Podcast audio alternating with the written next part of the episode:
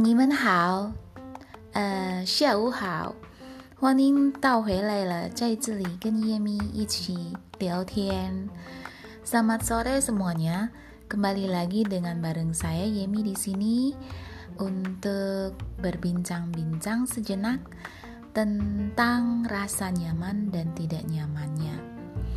Kadangkala kita merasa nyaman di suatu tempat terlalu lama kita akan membuat kita merasa itulah yang paling benar dan kondisi yang paling benar yang kita uh, hidup atau yang kita lalui.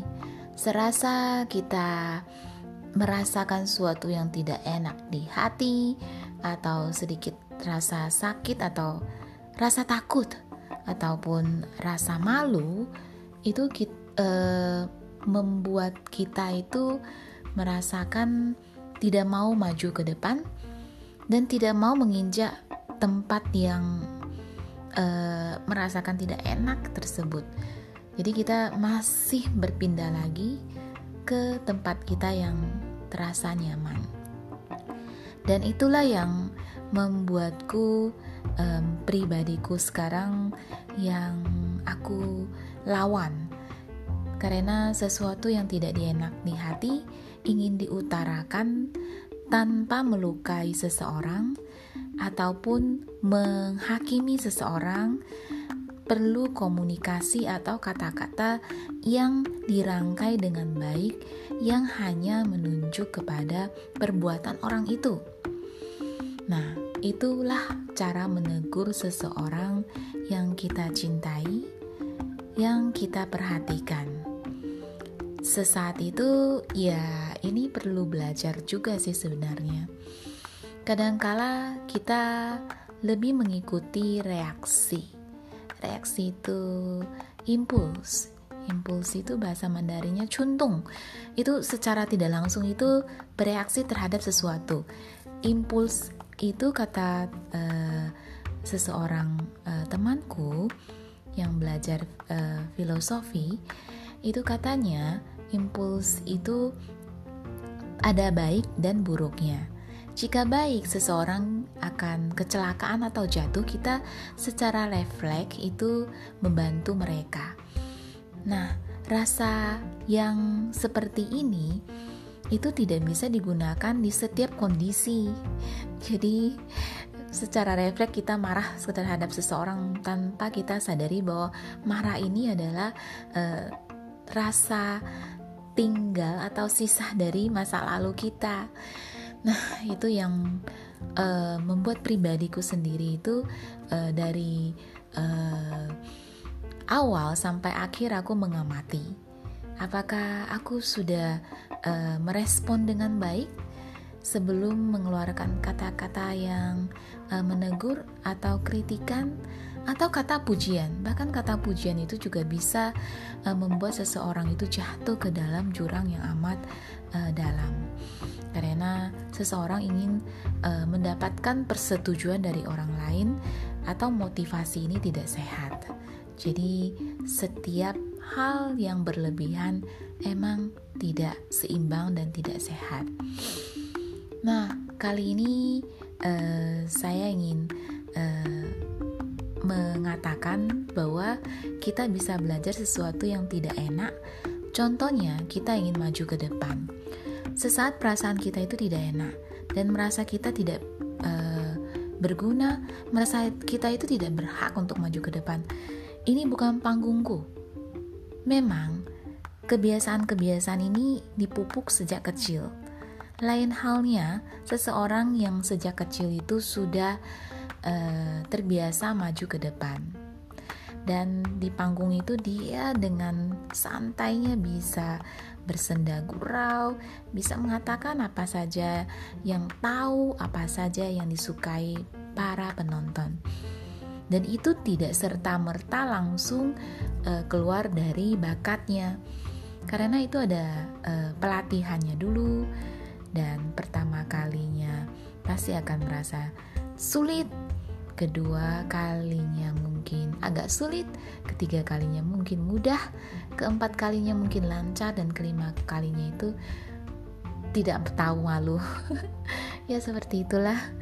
Dan sekarang saya menghadapi situasi sulit seperti ini dalam masalah uh, saya sendiri dan aku ingin uh, membaginya itu kepada kalian. Tidak bereaksi dengan kemarahan dan menyikapi kemarahan itu apakah dari masa lalu atau masa sekarang. Seseorang menyerang pribadi kita tanpa tahu uh, pribadi kita itu baiknya apa, buruknya apa. Kadangkala sesuatu perkataan seseorang itu langsung menyinggung subjeknya itu memang tidak baik. Jadi, ada kalanya lebih baik kita mempelajari kalimat-kalimat yang hanya membicarakan perbuatan seseorang daripada menyinggung uh, uh, subjek itu tidak cantik lah, atau dia itu pencuri, dia itu gendut, pembohong. Padahal uh, judgement ini, penghakiman ini benar-benar sangat sempit tanpa diamati dulu perbuatannya apa langsung menjudge dia seperti itu. Dan lebih bagus jika kita ingin menegur seseorang yang kita cintai yang kita kasihi yang kita perhatikan tegurlah perbuatannya. Uh, saya tidak suka um, saat kamu tidak membalas SMS-ku atau uh, saat kamu tidak mengatakan tepat kapan uh, kita akan bertemu dan membiarkan uh, saya sendiri menunggu sampai malam. Nah, seperti itu juga uh, salah satu contoh uh, yang lebih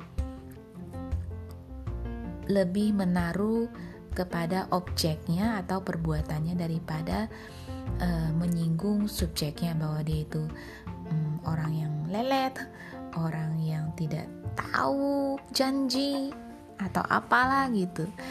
Nah, secara refleks kita harus menahan dulu impuls kita, reaksi kita, dan kita berpikir dulu apa yang kita inginkan, apa yang kita butuhkan, lalulah baru kita ungkapkan.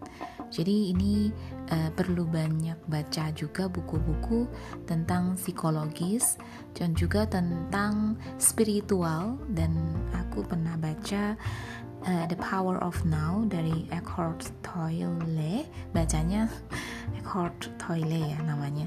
Itu benar-benar bagus banget. Jadi uh, beliau itu menuliskan tentang masa lalu, masa kini, dan masa depan. Dan masa kinilah yang amat menentukan hidup kita. Makanya judul bukunya The Power of Now. Now. Jadi masa lalu tidak mempengaruhi masa sekarang kita. Dan masa depan tidak akan terbentuk jika kita tidak fokus pada masa sekarang ini. Jadi, mau tidak mau, kita harus menikmati masa sekarang ini dengan penuh perhatian. Boleh dibaca buku itu, amat uh, amat menenangkan hati kita, jiwa kita, dan juga rohani kita, spiritual lah tepatnya. Seperti itu kali ini uh, hanya yang bisa aku bagikan dan tetap bermasker, tetap jaga jarak, dan usahakan kita tidak berkumpul atau berkerumunan dengan orang-orang. Kurangin kesenangan dulu untuk kesenangan yang lebih berkali-kali lipat.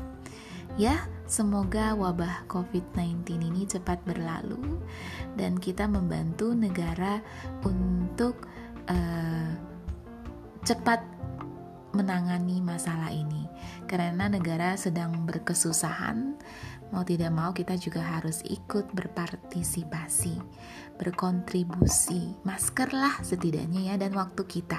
Oke? Okay? Sampai jumpa lagi minggu depan. Semoga kita bisa memikirkan lebih dalam uh, pikiran kita ini, mindsetnya, dan tidak secara refleks atau bereaksi terhadap sesuatu langsung. Nah, kalau untuk menyangkut nyawa sih emang ya kita bereak berefleksi duluan. Oke, sampai jumpa. Tetap sehat semuanya. Dah, 再见哦，大家，谢谢你们听我的这个呃聊天，再见。